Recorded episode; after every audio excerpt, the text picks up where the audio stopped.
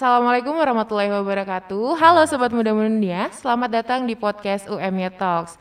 Dan seperti biasa, di episode kali ini kita akan berbincang-bincang mengenai isu terkini dan juga mengulik informasi seputar Universitas Muhammadiyah Yogyakarta.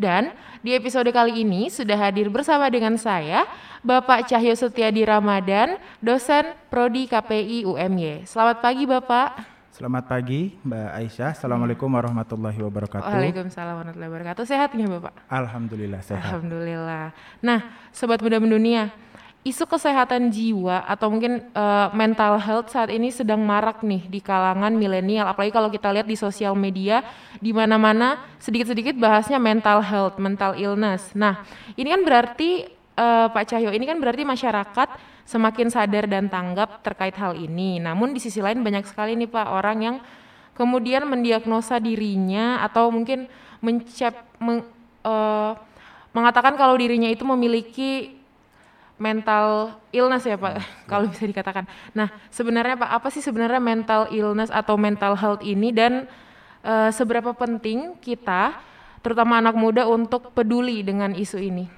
Ya, terima kasih Mbak Aisyah. Uh, sebelumnya saya sapa dulu. Uh, Assalamualaikum warahmatullahi wabarakatuh, Sobat Muda Mendunia. Semoga Sobat Muda Mendunia uh, sehat selalu, baik jasmani maupun rohani. Amin. Tadi itu mengenai kesehatan mental iya. atau uh, gangguan mental begitu hmm. ya Mbak. Memang mental illness itu bisa diterjemahkan sebagai gangguan mental. Jadi ketika seseorang itu apa bersikap atau berperilaku mungkin tidak sesuai norma dan kemudian mengganggu uh, di, dirinya sendiri, menjadikan dirinya kesulitan untuk berfungsi secara sosial maupun untuk berfungsi dalam kehidupan kesehariannya. Ya misalnya hmm.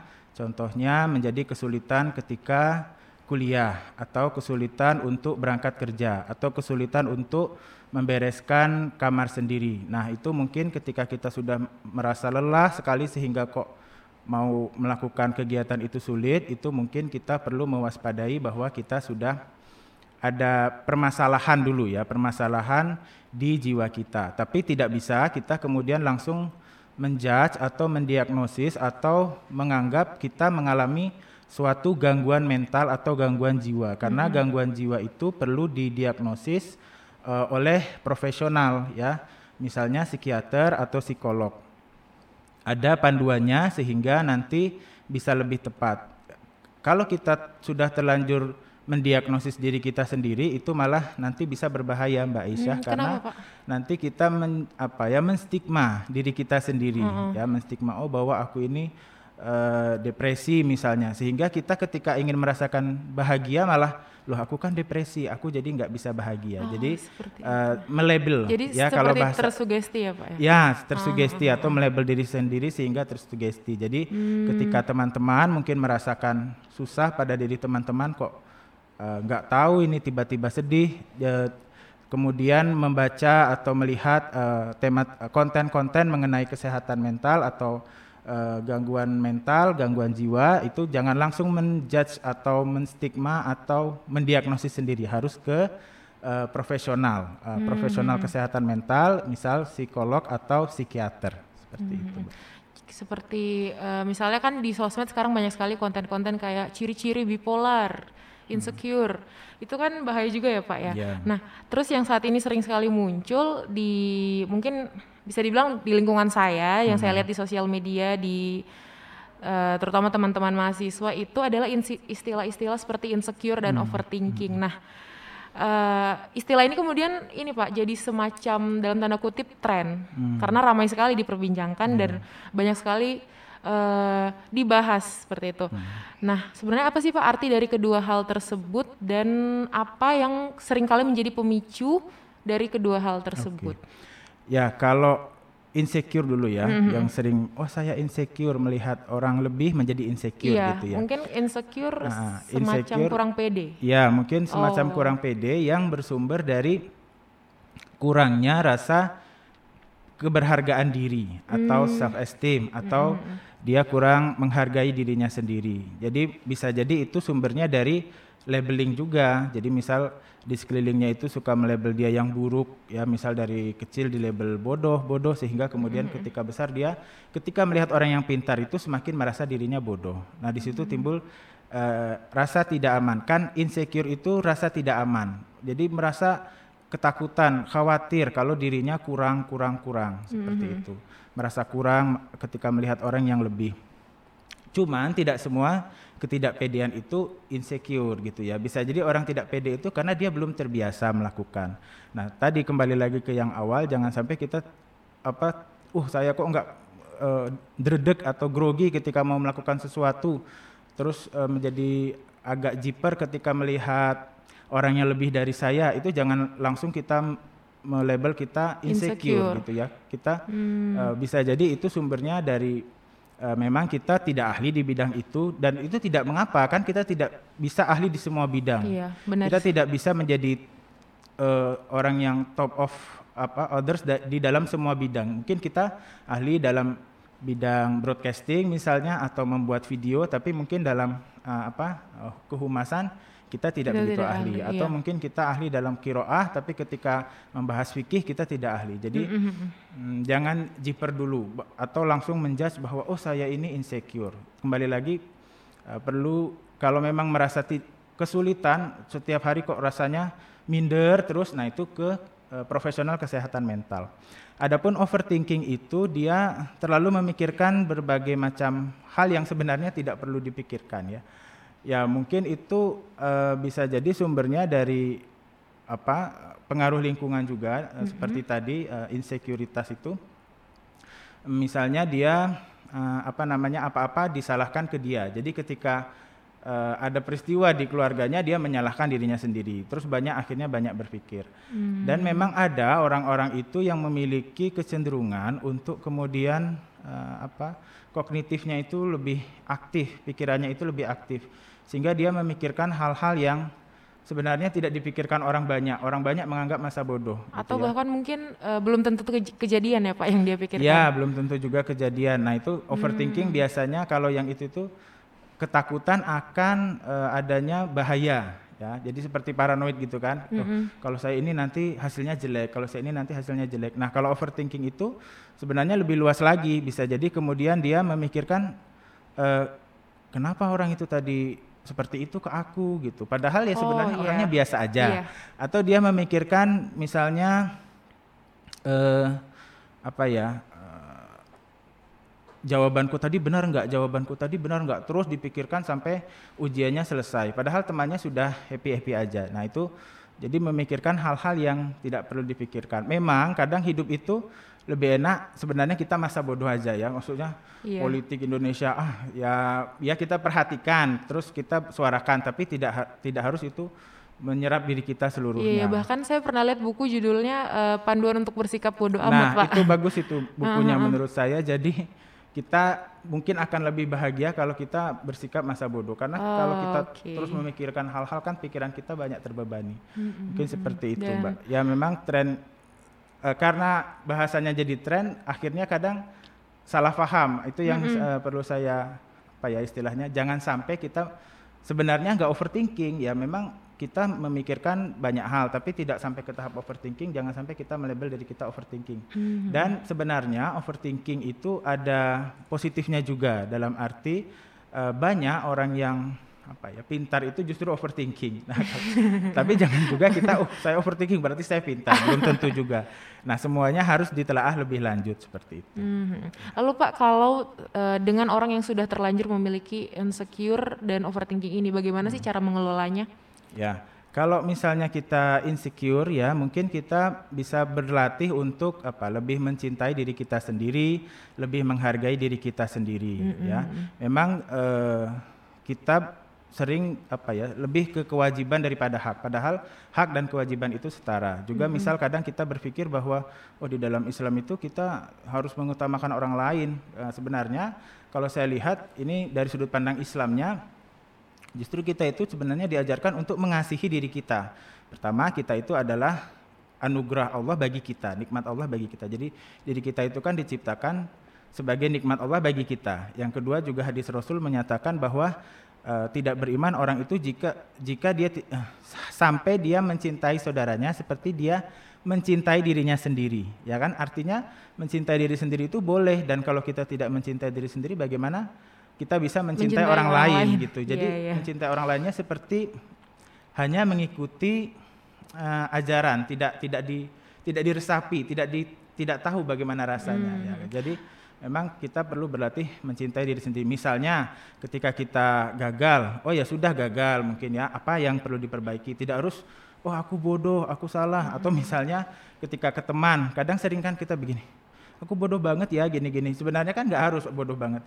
Aku tadi begini, langsung cerita aja, nggak harus kemudian melabel kita. Kadang kita karena terlalu sering melabel kita bodoh, buruk, ah, ya kita menjadi kurang mencintai diri kita sendiri. Hmm. Nah itu kita perlu berlatih mencintai diri sendiri dengan berbagai macam cara. Kalau kita insecure ya, jadi sehingga kita merasa cukup dengan diri kita sendiri dan tidak perlu melihat orang lain. Biasanya hmm. insecure itu dia melihat kanan kiri gitu. Terlalu banyak melihat ya, orang lain aku ya. pengen ya? begitu, hmm. aku pengen sehingga jadi dia merasa tidak cukup dengan dirinya sendiri. Hmm. Kalau dia sudah mencintai dirinya sendiri, insya Allah dia akan merasa cukup dengan dirinya sendiri. Hmm, berarti tidak masalah ya Pak, kita ter, kita cinta kepada diri kita sendiri, oh, jangan iya. sampai kita cinta kita melebihi uh, cinta diri kita untuk orang lain. Iya, jadi uh, proporsional. Proporsional, ya Pak. Kita mencintai diri kita sendiri, bagus juga, dan kita juga perlu mengasihi sesama, gitu ya. hmm, ya. Artinya kita hmm setelah jadi begini, ada yang mengatakan kalau kamu tidak memiliki cinta, bagaimana kamu membagi cinta, begitu katanya begitu. Jadi kalau kita tidak cukup cinta pada diri kita sendiri, bagaimana kita bisa mengasihi orang lain?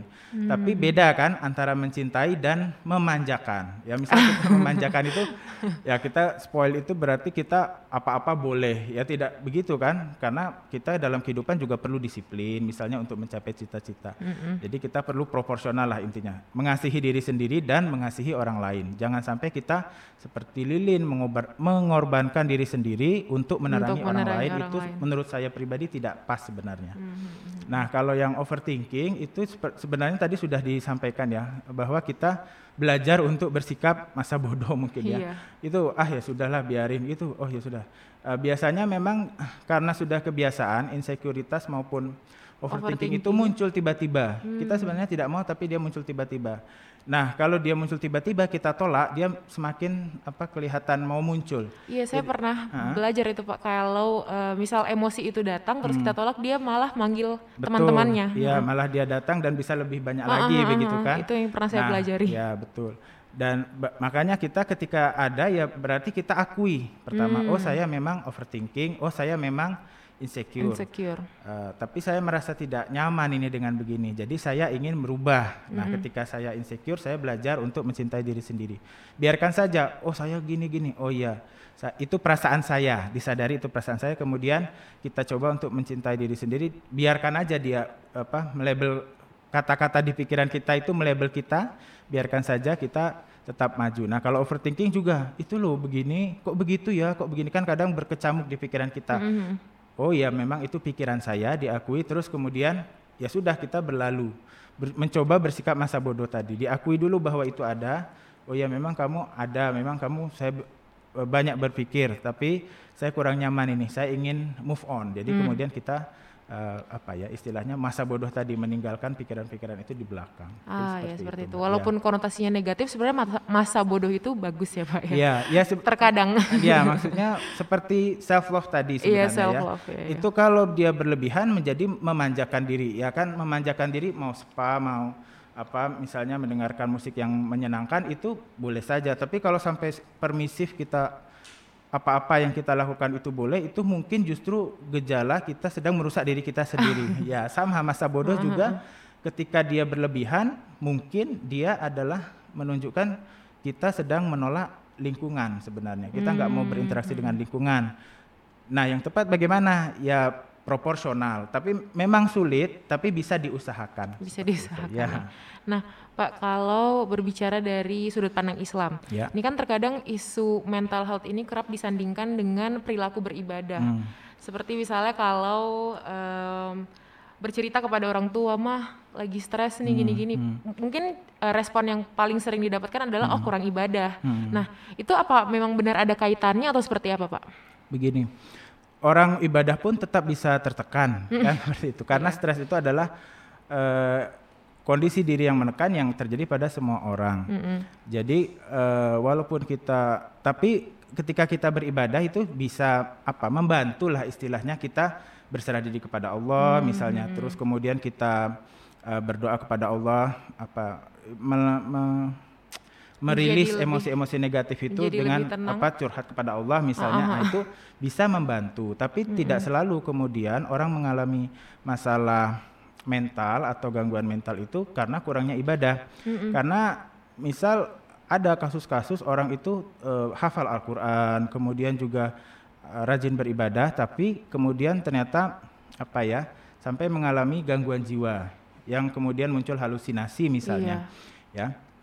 Jadi uh, karena gangguan jiwa itu juga ada faktor biologisnya ya kalau berbicara gangguan jiwa. Ada faktor sosialnya ada, ada faktor, faktor biologisnya biologis. apa uh, aktivitas otak. Nah itu nanti mungkin para psikiater yang lebih paham ya. Tapi kalau secara ringkas itu ada aktivitas otak sehingga kemudian misal gangguan seperti skizofrenia depresi kecemasan juga itu ada faktor biologisnya. Sehingga kalau ada faktor biologis kan dia mau sholat ataupun tidak sholat sebenarnya uh, membantu tapi sedikit begitu. Jadi jangan sampai kita apa-apa itu langsung makanya sholat belum iya, tentu. Jadi kebanyakan seperti itu betul, pak. harus dipahami dulu iya, apa iya, namanya iya. masalahnya. Masalahnya apa sih? Kalau memang dia masih apa namanya kurang ikhlas ya memang didorong untuk ikhlas. Tapi kan kalau masalahnya tekanan-tekanan lain dan mungkin dia sulit ya tidak bisa langsung dipaksakan mm -mm. begitu. Memang bagus juga kita mendorong untuk beribadah agar apa ya itu bisa menjadi spiritual coping mm-hmm. atau e, cara kita mengatasi stres menghadapi stres dengan melakukan kegiatan spiritual itu bisa juga bisa bisa ada juga tetapi tidak mesti begitu gitu loh artinya kadang orang perlu juga ke psikiater, perlu juga minum obat. Hmm. Kadang kan kita di Indonesia ini ketika orang harus minum obat itu sudah konotasinya negatif iya, bagaimana iya, gitu. Ya. Padahal stigma jelek gitu iya, ya, Pak. padahal kan itu seperti saya bilang tadi ada faktor biologisnya juga lah. Mm -hmm. Faktor hmm. biologis ini kan bisa di, dibantu dengan medikasi atau dengan obat. Jadi kalau misalnya orang mengalami itu jangan langsung dijudge kurang iman seperti itu. Karena Rasulullah juga kan dulu ada orang yang mengalami kehilangan kesadaran. Hmm. Memang dulu disebut sebagai penyakit ayan. Ada yang mengatakan ulama itu ini ayan. Tapi ada cendikiawan muslim itu mengatakan ini sebenarnya gangguan mental. Jadi perempuan itu datang kepada Rasulullah minta mm-hmm. disembuhkan. Mm. Tapi Rasul tidak ih kamu ini makanya sholat makanya enggak tapi kemudian yeah. kalau kamu ber, kalau kamu mau saya bisa mendoakan kepada Allah agar sembuh mm-hmm. tapi kalau kamu mau bersabar itu akan menjadi pahala bagimu kemudian perempuan ini memilih bersabar nah di situ pak uh, sebagian cendekiawan mengatakan itu menunjukkan bahwa sebenarnya di zaman itu sudah ada gangguan mental dan cara mengatasinya tidak seperti yang terjadi di masyarakat disuruh sholat disuruh iya bahkan Rasulullah pun ya tidak ini ya, tidak judgmental ya, mengajarkannya ya, bersabar iya, gitu ya iya. jadi lebih ke uh, apa ya amalan hatinya sebenarnya supaya dia menjadi lebih tenang hmm, seperti itu seperti itu Mungkin seperti nah itu. Pak uh, kalau tadi menyinggung tentang psikolog sebenarnya siapa sih Pak yang perlu berkonsultasi dengan psikolog secara rutin? Apakah mungkin orang-orang yang bahkan orang-orang yang tidak merasa memiliki uh, dalam tanda kutip gangguan mental health ini perlu berkonsultasi dengan psikolog, Pak? Ya, uh, perlu atau tidaknya memang kemudian tergantung kepada individu itu. Mm -hmm. Artinya dia merasa butuh atau tidak. Kadang merasa butuh tapi dia khawatir karena stigma bahwa iya. kalau psikolog itu begini. Padahal psikolog itu bisa juga kemudian menangani atau kliennya itu orang yang ingin meningkatkan misalnya bakat saya apa ya kan kalau di hmm. sekolah sering ya tes iya, iya. bakat iya. gitu ya. bakat. Nah itu kan yang melihat tesnya kemudian nanti melakukan konseling bakatnya itu sebenarnya psikolog, psikolog seperti ya. itu yang melakukan. Jadi bisa juga untuk pengembangan pengembangan diri jika kita ingin mengembangkan diri atau mungkin ketika kita sedang tadi merasa kesulitan mau berangkat kuliah kok sulit, mau berangkat kerja kok sulit. Nah, itu mungkin kita sedang ada masalah yang tidak bisa kita atasi sendiri. Nah, itu bisa kita konsultasi, apa, konsultasi ke psikolog hmm. seperti itu. Berarti penting ya Pak Uh, konsultasi itu. Ya penting menurut saya. Ya. Kalau ketika kita butuh. Ya. Ah ya. Hmm. Kalau untuk pertimbangan-pertimbangan memilih psikolog mungkin Pak. Siapa tahu sobat muda mendunia ada yang mau berkonsultasi. Oh Ya sebenarnya kalau mau berkonsultasi itu bisa ke psikolog siapa saja ya artinya mm -hmm. tidak ada bagaimana. Yang penting kemudian dipastikan dia psikolog atau konselor gitu. Mm, berbeda. Ya jadi kalau psikolog itu dia sudah memiliki apa namanya uh, sebutan surat sebutan psikolog kemudian mm. juga diakui oleh HIMSI. Nah itu bisa ditanyakan ke anda psikolog atau tidak gitu. Ya mungkin agak ragu apa kalau ragu gitu ya karena kadang ada kan kasusnya dia latar belakang pendidikan psikologi tapi mengakunya psikolog. Uh, nah itu cum, padahal cuma pendidikannya. Iya, maksudnya dia kan psikologi itu ada keilmuan dan profesi. profesi. Uh, nah, baik. kalau latar belakang keilmuan dia mengerti juga tapi tidak mengarah ke profesinya. Artinya hmm. cara menangani orang, cara menghadapi klien bagaimana, kode etiknya bagaimana. Nah, kalau yang profesi kan sudah belajar dan sudah diakui oleh uh, apa komunitas profesi psikologi di Indonesia atau perhimpunan profesi psikologi di Indonesia. Hmm. Nah, jadi dipastikan dulu sebenarnya psikolog atau konselor sehingga kita tidak overestimate atau kita apa namanya over uh, over ekspektasi ter, ekspektasi terlalu tinggi nanti kan kalau tidak memadai ini berbahaya. Nah, uh, semua kita bisa ke mana saja dan tidak harus kemudian begini, uh kok tidak nyaman. Kalau memang tidak nyaman dengan satu psikolog bisa pindah karena se in, orang itu bisa apa ya ada kecocok cocok tidak dengan dengan cara psikolog itu hmm, menyampaikan sama seperti curhat ke teman ya pak nah ya? betul ya bisa cocok bisa tidak kan uh, uh, kalau misalnya cocok merasa nyaman dilanjutkan kalau tidak nyaman bisa cari psikolog lain hmm. kalau di Jogja sendiri sebenarnya di puskesmas puskesmas sudah ada psikolog sudah ada. dan juga di UMY juga sebenarnya ada lembaga oh. konseling oh. sekarang oh iya pak hmm itu lembaga konsultasinya berarti khusus untuk mahasiswa UM ya? Ya, uh, sementara ini di, diperuntukkan untuk mahasiswa, uh, mahasiswa karena memang kita, uh, eh, lembaga konseling ini atau lembaga konsultasi di UMY ini juga baru baru sekitar satu setengah tahunan seperti itu mm -hmm. dirintis dan sekarang sudah menangani konseling uh, atau konsultasi untuk mahasiswa yang mengampu juga dosen-dosen UMY yang berlatar belakang pendidikan profesi dan keilmuan psikologi. Jadi kita istilahnya sebagai konselor seperti itu hmm. untuk konsultasi ya. Tapi tapi memang ada beberapa yang latar belakang pendidikannya uh, profesi psikologi sehingga uh, memadai untuk apa melakukan uh, konsultasi psikologi bagi mahasiswa seperti hmm. itu. Berarti kita uh, untuk mahasiswa UM-nya nih Pak, berarti tidak hmm. usah jauh-jauh ke puskesmas ya? Iya, kalau untuk bisa bisa ke, bisa ke ya bisa ke nanti kalau mau konseling sebenarnya uh -huh. bisa ini mendaftar dulu. Mendaftar. Ya, Bagaimana mendaftar. caranya Pak? Oh, Mungkin ini, boleh di-share. Ya, uh, mengontak ke nomor 0858 9155 8548. Jadi hmm. uh, me-WA dulu ke sana, saya mau mendaftar konseling seperti itu ke nomor 0858 9155 8548. Nanti dari uh, administrasinya akan di apa namanya? disampaikan oleh oleh uh, pengelola WA-nya tersebut. Hmm. Uh, kegiatan ini berada di bawah LPKA. LPKA, LPKA uh, di bidang apa? Kemahasiswaan uh, apa alumni dan kemuhammadiyahan ya. Nah, di bawah bidang itu ada LPKA. Nah, kita uh, bergeraknya di sana. Jadi hmm. kalau mau konsultasi atau konseling bisa ke mengontak ke nomor tersebut nanti akan dijelaskan lebih lanjut. Nah, dan mohon maaf Bapak, ini berbayar atau gratis? Oh, ini gratis, gratis karena ini ya? ya sebenarnya kan setiap kampus itu harus punya layanan seperti ini. Hmm. Nah, UMY berusaha mengadakan layanan ini dan itu gratis bagi mahasiswa yang apa namanya mungkin membutuhkan konsultasi bisa mengontak nomor itu tapi atau kalau bingung bisa langsung bertanya ke LPKA uh, di ah. ARB ya. Aha, seperti itu ya Pak. Nah, ya. sobat muda mendunia itu tadi yang disampaikan oleh Pak Cahyo. Mungkin uh, kalau sobat muda mendunia ada yang mau berkonsultasi mungkin merasa uh, galau, resah, itu bisa langsung aja ke Saya ulangi nomornya 0858 9155 8548 atau mungkin kalau bingung sobat muda mendunia bisa langsung mengunjungi kantor LPKA di gedung ARB ya Pak ya. ya. Nah, itu dia dan Pak Cahyo uh, terima kasih banyak waktunya. Ya. Ini kita pertemuannya singkat sekali ya, ya Pak, terasa sangat singkat. Um, terima kasih sobat muda mendunia yang sudah mendengarkan. Wabillahi taufiq wal hidayah. Wassalamualaikum warahmatullahi wabarakatuh. Sampai jumpa di UME Talks episode selanjutnya.